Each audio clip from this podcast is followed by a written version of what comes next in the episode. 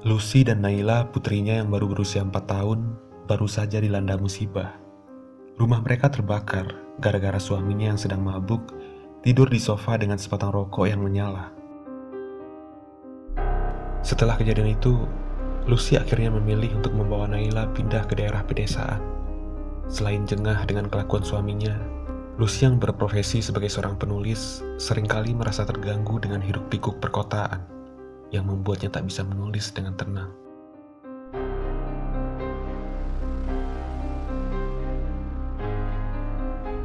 Lucy kemudian memilih sebuah rumah sederhana di pinggiran danau kecil di sebuah desa yang hening.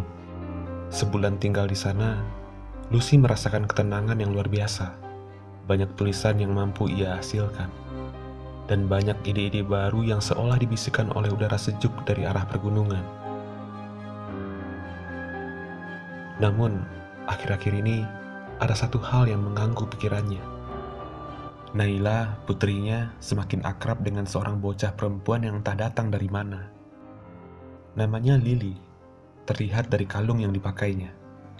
Umurnya kira-kira dua tahun lebih tua dibanding Naila.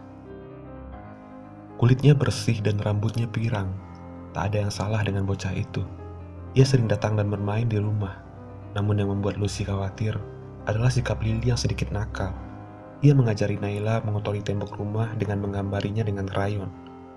Belum lagi, Lily pernah kedapatan secara diam-diam mengajak Naila bermain di pinggir danau. Tapi Lucy tak ada pilihan. Ia tak mungkin melarang bocah itu datang karena hanya dialah satu-satunya anak seumuran Naila yang ada di sekitar sini.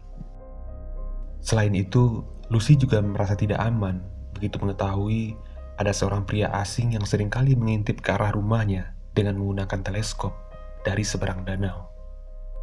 Entah siapa, Lucy pun enggan mencari tahu. Ia memang tak ada niatan untuk berhubungan dengan penduduk sekitar.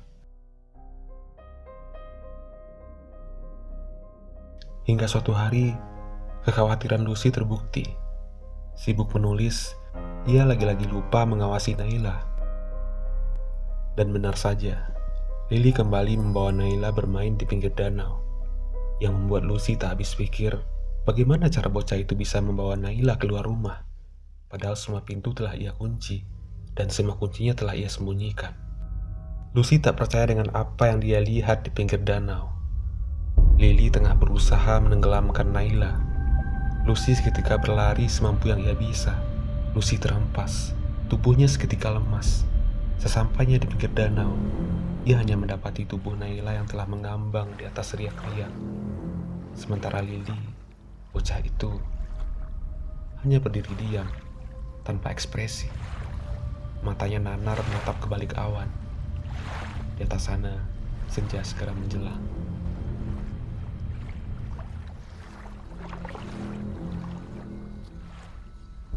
Lucy masih terlungkup.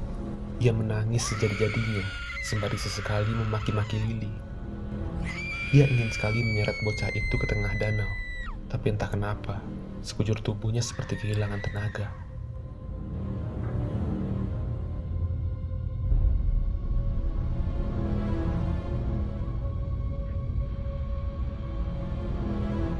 Tak lama, seorang pria datang mendekat ke pinggir danau dengan mengendarai sebuah jeep.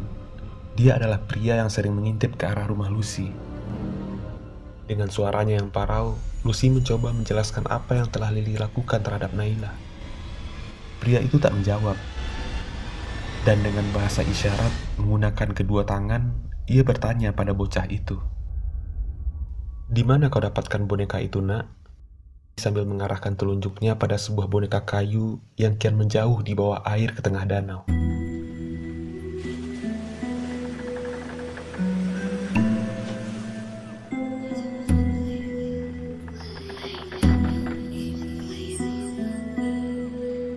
Jauh dari sana, di sebuah rumah sakit di tengah kota, seorang pria dengan seluruh tubuh yang nyaris terpanggang sedang menangis terisak-isak.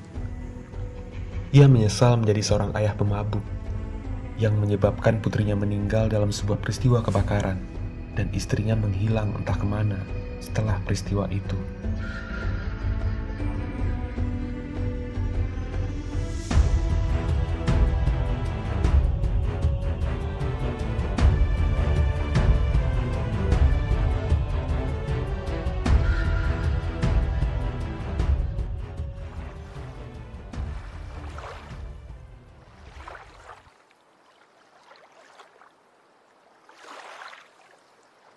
Gary menyeruput kopinya sore itu.